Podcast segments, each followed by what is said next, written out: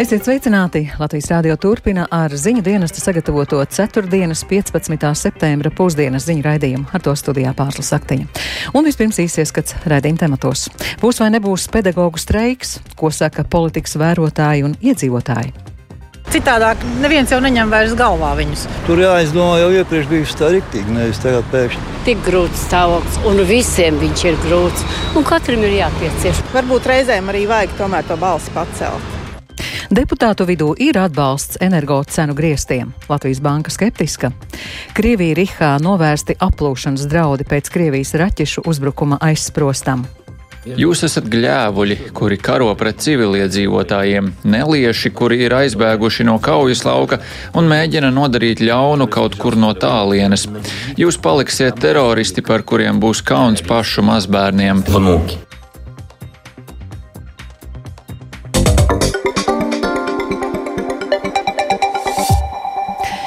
Vai nebūs pedagoģu streiks?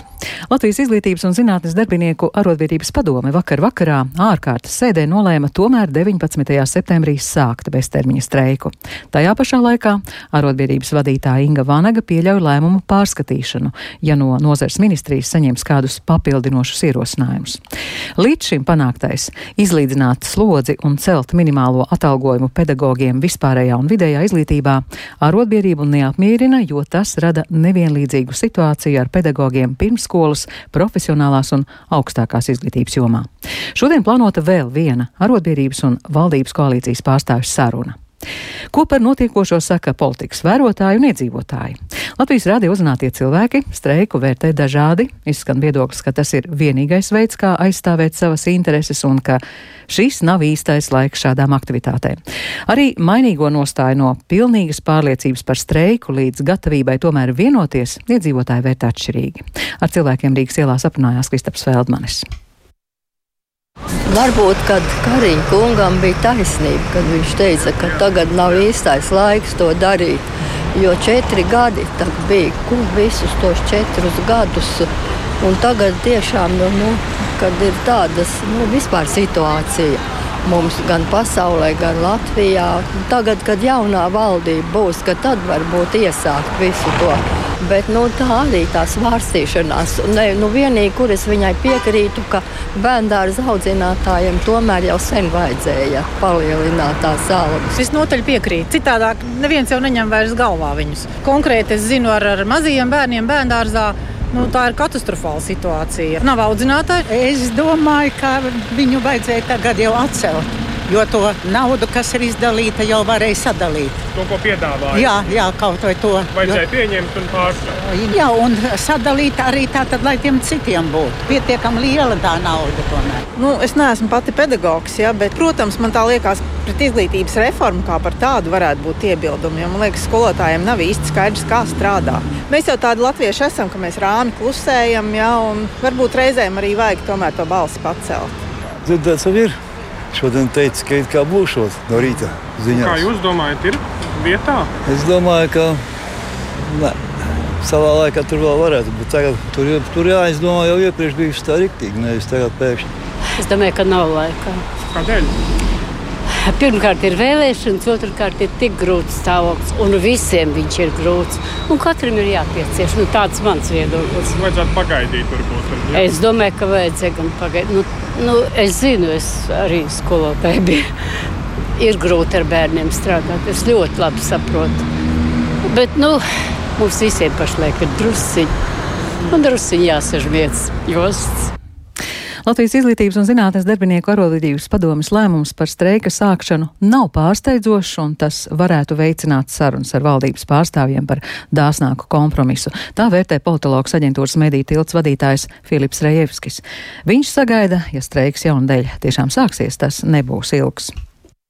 Tas ir īstenībā likumsakarīgs uh, iznākums, jo pie šāda aktivitātes, kādu parāda arotbiedrība un tā atbalsta gan no arotbiedrības, gan no skolotāju saimnes, gan no sabiedrības, gan no mediju puses, tīri no politiskā procesa viedokļa, viņi īsti nevar pakļauties pirmajam uh, piedāvātajam kompromisam. Pat nerunājot par to piedāvājumu saturu, vienkārši tu nevari tā uz pirmo svilpienu pateikt, eh, ka nē, mēs nestreikosim, mums ar šo pietiek. Tomēr koalīcijas piedāvājums arotbiedrībai bija racionāls un konkrēts par slodzes un algas likmes izlīdzināšanu pedagogiem vispārējā izglītībā un ar solījumiem mācību spēku problēmām citās pozīcijās pievērsties vēlāk, jo visam uzreiz naudas nav. Protams, politiķu solījumi, tīpaši, ja mēs runājam par tālajošiem solījumiem īsi pirms vēlēšanām, nu, tas nebūtu ļoti viedi tā teikt, vesties uz šiem solījumiem. Nu, te ir princips labāk zīle rokā, tas ir lēmums pieņemts, izdarīts pirms vēlēšanām, nekā tas, tas mēdnis kaut kad pēc kaut kādiem gadiem kokā. Un mēs labi zinām, kā tiek pildīt lēmumi. Šīs parlaments īpaši izcēlies, atcerieties par atalgojumu medicīnas darbiniekiem, kur pat tika pieņemts likuma līmenī, un tas netiek pildīts. Tāpēc es domāju, ka arotbiedrības reakcija ir diezgan adekvāta.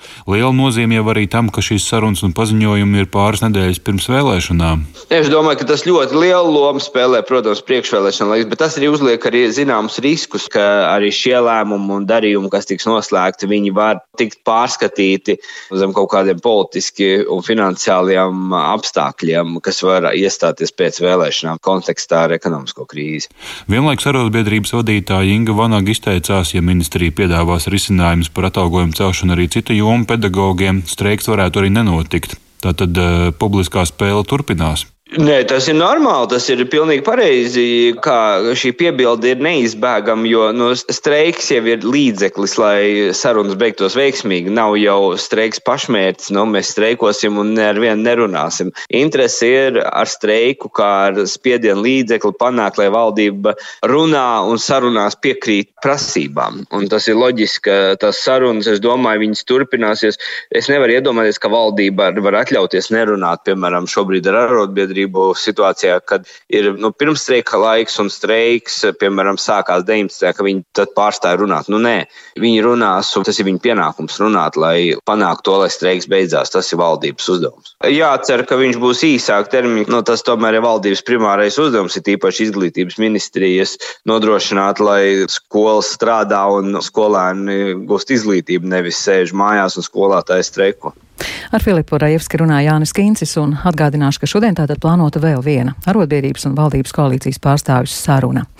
Un nu pat kļuvis zināms, ka finanšu ministrs Jānis Reirs no jaunās vienotības izdevis rīkojumu par disciplināru lietas ierosināšanu un valsts ieņēmumu dienesta ģenerāldirektoris Ievas Jaunzemes atstādināšanu. Rīkojums ir izdots gan uz dienesta pārbaudes ziņojuma pamata, gan reaģējot uz nesenajiem korupcijas novēršanas un apkarošanas biroja aizturēšanām vidmuitas un finanšu policijā, kā arī vidi iekšējās drošības pārvaldes veiktajām vairāku darbinieku aizturēšanām. Bet vairāk par šo tematu turpmākajos ziņu izlaidumos. Valdībā izskan rosinājums apsvērt iespēju ieviest energoresursiem cenu griestus, virs kuriem cilvēku maksājumi nepieaugtu un patēriņu sektu no valsts maka. Tas būtu papildus atbalsta pasākums jau esošajam atbalstam. Latvijas rādi aptaujāties saimnes pozīcijas un opozīcijas deputāti pauž vienprātību, ka ar esošajiem atbalsta pasākumiem energoresursu cenu sadārdzinājumu kompensēšanai varētu nebūt gana. Pagaidām diskusijas par papildus atbalstu saimā vēl nav notikušas. Un plašāk Lindas Zalāns ierakstā. Opozīcijas pārstāvis Viktors Valainis no Zaļo un Zemnieku savienības pauž, ka iecer ir likumsakrīga, jo saimā ir atbalstīts un topa lēmuma projekts par valsts atbalsta palielināšanu un energoresursu cenu griestu noteikšana, viņa prāta būtu loģisks solis, lai noteiktu fiksētu atbalstu. Tas attiecās gan uz elektrību, gan uz siltumenerģiju. Ja mēs skatāmies no energoresursu cenu pieauguma, tātad ir pieaugums ir kopumā tautsēmniecībai vērtējums uz šo brīdi apmēram 2 miljārdi. Iepriekšējā pakete, ko valdība izstrādāja un saima atbalstīja, bija 640 miljoni. Un mēs jau no opozīcijas jau balsojot par šo pirmo paketi jau diezgan skaidri norādījām uz to, ka tā pakete būs par mazu. Un šobrīd tas ir redzams. Un, uh, mūsu uzskatām, šādam risinājumam saimā būtu jānonāk pēc iespējas ātrāk. Skeptiskāks ir opozīcijas deputāts Jānis Urbanovičs no saskaņas paužot, ka cenu griestu noteikšanai vispirms nepieciešams veikt detalizētu aprēķinu. Tā varētu būt kļūda, ja viņa ir bez aprēķiniem. Neesmu dzirdējis nevienu diskusiju apaļu stūrēnu galdu, kur par to būtu spriest. Visu laiku ir kaut kādi brīnumu solītāji, īpaši no valdības puses. Man jau nepatīk, kad ir vispārējais kaut kāds lēmums, kuri visiem vienādi bagātais un uh, nabagais tiek vienādi stimulēti. Bet, ja valdība nejaudā sadarbojoties ar pašvaldībām un nevalstiskām un komerces organizācijām izdarīt auditu, lai palīdzēt tiem, kam trūks siltumam, nevis basēna apkurē. Ta, ja nav, nu tad labāk tad visiem, nekā nevienam tās atkal neizdarības sasteigt. Atkal būs kā pandēmijas pabalstiem, kam vajag netiks, kam nevajag tik slieki. Pozīcijas deputāts Krišānis Feldmanis no konservatīviem pauž, ka jau sākumā bija skaidrs, ka ar esošo atbalstu būs par maz un gatavošanās tam, ka būs nepieciešama papildus nauda, ir pareizs solis. Tie pasākumi, par kuriem valdība jau ir nolēmusi un ko saima arī ir atbalstījusi, ir balstīti budžeta tekošajās pārpildēs. Jautājums ir, vai ir vēl resursi vai kāds neplānots pārpildus, ko var novirzīt atbalstam iedzīvotājiem, vai arī nu, šie naudas līdzekļi būs jāizņemas. Ir pamatoti apsvērt abas iespējas, jo šī ziema objektīvi, nu, ņemot vairāk, ka enerģētiskās neatkarības nodrošināšana Latvijā ilgus gadus ir sabotēta, būs nepieciešams mazināt šo šoku, ko mājasēmniecības piedzīvos tā rezultātā. Pie frakcijām nepiedarošais deputāts Finanšu ministrijas parlamentārais sekretārs Atis Zakatistovs, kurš uz 14. saimas vēlēšanām startē no jaunās vienotības, teica, ka Cenu griestu jautājums ir Eiropas kopējā nostāja. Tas nebūtu mūsu brīvprātīgs gājiens, pirms to nedara pārējā Eiropa. Un, ja pārējā Eiropa to darīs, tad, protams, mums arī tas būs jādara, jo citādāk tas tirgus tiek kropļots. Protams, tās ir izmaksas. Valsts kase šobrīd ir eh, labi pārvaldīta, un līdz ar to tas būtu dārgi, bet, protams, tas būtu dārgi visiem citiem Eiropā. Atis Zakatistovs teica, ka Finanšu ministrija pārskatījusi esošā budžeta izdevumus un tajā ietaupīti vairāk nekā 100 miljoni eiro. Eiropā arvien aktīvāk runā par tā saucamo windfall tax, kas ir uh, negaidītas peļņas nodoklis energokompānijām. Un es domāju, arī mēs Latvijā nebūsim pirmie vai unikāli, kas to darīs. Ja citur Eiropā tas tiks darīts, tad tas tiks darīts arī pie mums. Vēl viens no avotiem šāda atbalsta finansēšanai varētu būt valsts parāda palielināšana. Pat labi, valsts ārējais parāds ir samazinājies līdz 43% no iekšzemes koprodukta, un tas dod iespēju valdībai aizņemties. Linda Zalāne, Latvijas radio. Energoresursu cenu griesti, virs kuriem valsts pilnībā kompensētu sadārdzinājumu, nav labs atbalsta instruments. Tā intervijā Latvijas radio norādīja Latvijas bankas ekonomists Oļeks Krasnopjorovs. Viņš teica, ka galvenais akcents tomēr būtu jāliek uz enerģijas taupības pasākumiem. Vispār energo cenu griesti nav labs instruments, lai aizsargātu energopatērētājus jo nosakot cenu griestus enerģijas patērētājiem zud motivācija veikt enerģijas taupīšanas pasākumus. Un tādējādi enerģijas patērīts nemazinās vai mazinās ļoti maz. Un ņemot vērā, ka enerģiju lielā mērā mēs importējam, tas nozīmē, ka lielāku naudas summu izmaksājam ārā no valsts energoresursu piegādātājiem. Ukrainas pilsētā Krivirihā novērsti aplūšanas draudi pēc tam, kad Krievija raķetēm apšaudīja hidroelektrostacijas dambi. Ukrainas prezidents Valdimirs Zelenskis notikušo nodēvējis par vēl vienu apliecinājumu Krievijas gļēvumam. Viņš arī pastāstīs par postažu, ko aiz sevis ir atstājis Krievijas karaspēks atbrīvotajās teritorijās Harkivas apgabalā. Neraugoties uz Krievijas pastrādātajām zvērībām Ukrainā, ASV to nepasludinās par terorismu atbalstošu valsti. Bet Kijevā šodien ieradusies Eiropas komisijas prezidents prezidente Urzula Fonderleina, un vairāk par to stāsta Ulris Česberis. Vairāku Krievijas pilsētas rajonu iedzīvotājiem vakar vakarā nācās evakuēties, jo strauji cēlās ūdens līmenis Inhulecas upē pēc tam, kad uzbrukumā tika bojāts netālu esošās hidroelektrostacijas aizsprosts. Taču šodien vietējās varas iestādes informēja, ka ūdens līmenis upē ir pazeminājies par 40 centimetriem un turpina kristies. Ņipropetrovskas apgabala militārās administrācijas vadītājs Valentīns Rezničenko slavēja ārkārtas dienestus, kas visu nakti intensīvi strādāja, lai novērstu Krievijas applūšanu. Ukraina Ukrainas prezidents Volodimirs Zelenskis vakar vakarā apsūdzēja Krieviju mēģinājumā apludināt viņa dzimto pilsētu. Сегодняшние ваши ракетные удары русские ракеты по Кривому Рогу, par Dambiekarčinovsku vadahranilišķi. Jūsu šodienas uzbrukumi, Krievijas raķešu triecieni Krivīrihas dambim, objektam, kuram nav ne mazākā militārā vērtība, faktiski bija uzbrukums simtiem tūkstošiem miermīlīgo iedzīvotāju.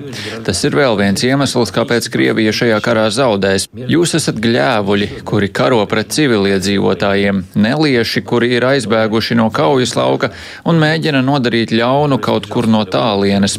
Jūs paliksiet teroristi par kuriem būs kauns pašu mazbērniem.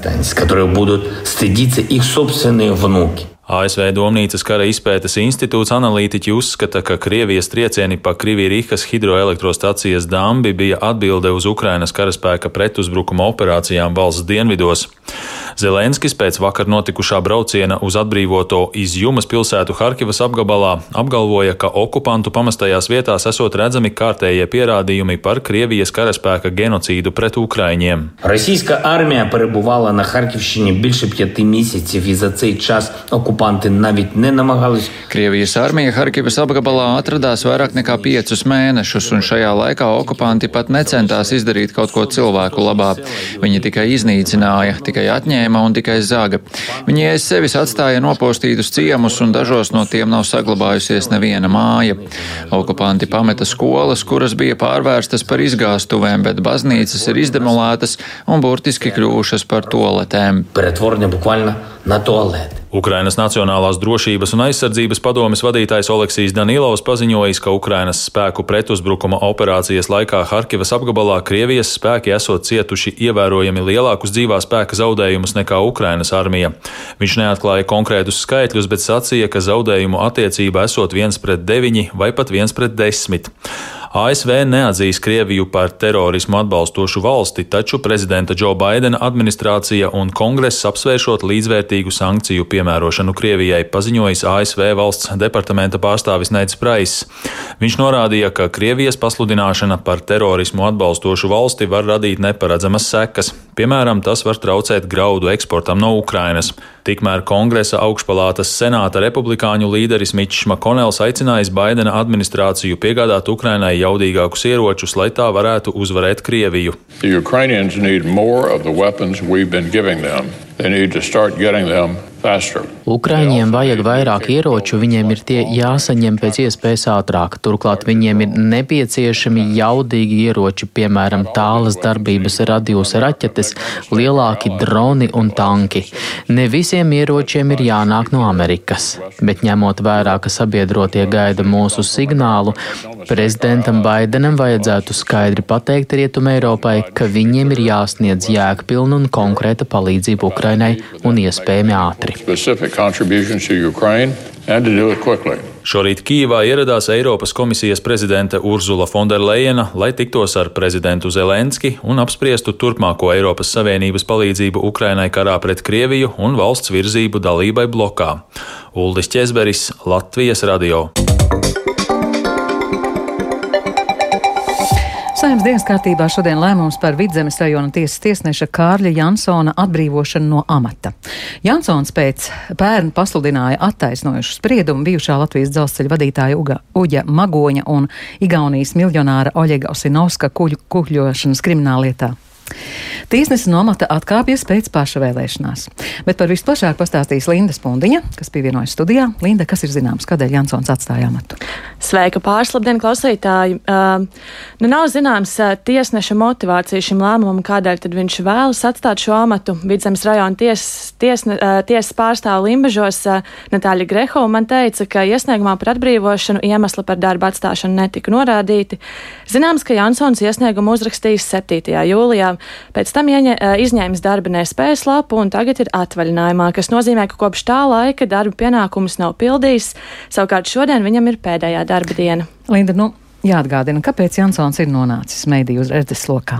Jā, nu zināms, ka tiesneša atstādināšana saimas dienas kārtībā nav uh, rats, uh, nav biežs uh, gadījums. Uh, tāpat zināms, ka arī šodien bez Jansona kāda cita tiesnesa atstāja amatu. Tomēr Jansons mēdī dienas kārtībā ir plaši apspriests, jo viņš uh, iztiesāja plaši zināmu kriminālu lietu.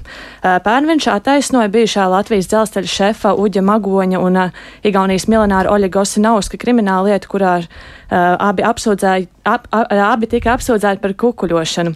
Atgādināšu, ka Knabe 2015. gadā aizturēja Magoni ar gandrīz pusmiljonu eiro skaidrā naudā, ko viņam tikko iedevis Osinovskis. Izmeklētāja ieskatā tādā veidā uzņēmējs vēlējies panākt, lai Latvijas dzelzceļa meitas uzņēmums nopērk dīzeļa lokomotīvas no Osinovska firmas. Tagad šī krimināla lieta ir apelācijas instancē.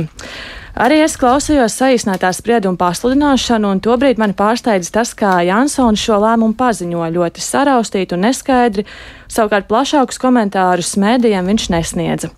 Jansons vēl zināms ar to, ka 2014. gadā attaisnoja kādreizējo ādažu pašvaldības policisti Andru Veipu, kura bija apsūdzēta par braukšanu alkohola reibumā. Sieviete tobrīd bija acīm redzama alkohola reibumā, turklāt to pati likumsargiem arī atzina, un tas tika fiksēts video ierakstā. Jansona rīcību vērtēja tiesnešu disciplināru kolēģiju, tā viņam piemēroja rājienu, jo tiesnesis nebija noskaidrojis objektīvu patiesību. Jansons tiesnešu disciplināru kolēģijas priekšā ir stājies jau vairākas reizes, un reiz pat saņēmis rājienu. Pēc attaisnojošā sprieduma Magoņa Nosinovska lietā arī tieslietu ministrs Jānis Bordāns no konservatīviem intervijā man apšaubīja tiesneša reputāciju un profesionalitāti. Viņš atgādināja, ka tiesneša profesionālās darbības novērtējumā Jansonam jau ir viens negatīvs novērtējums, bet, lai viņu varētu atstādināt, nepieciešami divi šādi negatīvi novērtējumi. Otru novērtējumu viņš eh, Jansons nesaņēma, bet, nu, kā jau minēju, šodien eh, viņam ir pēdējā darba diena, un tad saima lemj par viņa atstādināšanu. Paldies, Linda! Saimas lēmums par Jansonu vēl nav, bet nu pat ir ziņa, ka saima ir noraidījusi opozīcijas priekšlikumu par neusticības izteikšanu satiksmes ministram Tālim Linkaitam. Veikalos tikmēr satraucas par iespējamu zādzību pieaugumu rudenī un ziemā. Lai gan zādzību skaita palielinājums veikalos ir e, novērojams jau šobrīd, uzrunātie veikali negribīgi to saista ar augsto cenu kāpumu. Tomēr apsardzes kompānijās atzīst, ka zādzību skaits veikalos ne tikai pieaug inflācijas dēļ, bet arī ir mainījusies to cilvēku grupa, kas zog. Un plašāk Agnijas Lāsdiņas ierakstā.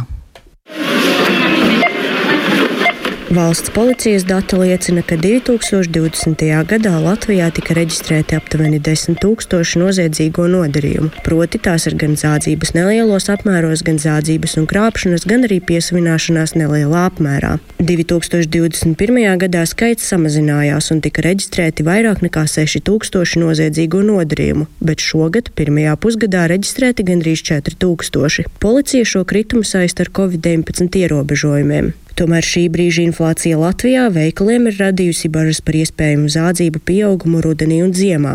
Lai gan zādzību skaita palielinājums veikalos ir novērojams jau šobrīd, uzrunātie veikali negribīgi to saista ar augsto cenu kāpumu. Mazumtirdzniecības tīkla Remija Latvijas sabiedrisko attiecību vadītājs Juris Šlejers norāda, ka zādzību skaits veikalos ir audzis, bet to nevar skaidrot ar inflāciju, bet gan vairāk ar cilvēku neuzmanību, norēķinoties par precēm pašapkalpošanās kasēs. Neuzmanības dēļ sanāk tādu produktu iznest eh, vai nenoskanētu ārā, un attiecīgi tāpēc formāli ir jāievēro procedūra ar, ar apsargiem un policijas iesaisti. Arī mazumtirdzniecības tīkla Maksima Latvijā veikalos dzādzību skaits pieauga, ko pamato ar Covid-19 ierobežojumu atcelšanu. Turpina Maksima Latvija pārstāve Laura Bagātā. Plūsmas sāk atgriezties veikalos arī klātienē. Pēdējiem mēnešiem tieši līdz ar šo dažādo resursu sadārdzinājumu, inflāciju valstī nenovērojam lielas izmaiņas, piemēram, pret gada sākumu. Kā stāsta veikalu tīkla LV pārstāve Vineta Grigāna Drande, zādzības skaits rudenī pieaug arī tāpēc, ka ir sākusies skola, un sīkās zādzības veikalos šajā laikā parasti veic skolēni. Paredzam, ka varētu pieaugt zādzību apjoms, kurš vēlas iet noziedzības ceļu, tas to darīs neatkarīgi no tā, cik maksā preces veikalā. Arī sociālajos tīklos cilvēki dalās ar bildēm un stāsta, ka ir novērojuši veikalu bažas par zādzību pieaugumu, jo veikalos ir palielinājies to preču skaits, kas tiek aplikti ar tā saucamajiem pīkstuļiem kas aizsargā pret zādzībām. Agnija Lazdiņa speciāli Latvijas radio. Ar to izskan pusdienas ziņu raidījums producents Viktors Pupiks, ierakstus montēja Renāša Steimans, par labskaņu rūpējās Una Gulbe, ar jums runāja Pārslas Saktiņa un īsi par svarīgāko. Ministrs Reirs ir atstādinājis no amata valsts ieņēmuma dienesta ģenerāla direktori Jaunzemi. Zelenskis apsūdz Krieviju gļēvumā pēc uzbrukuma aizsprostam Krivirihas tūmā. Yeah.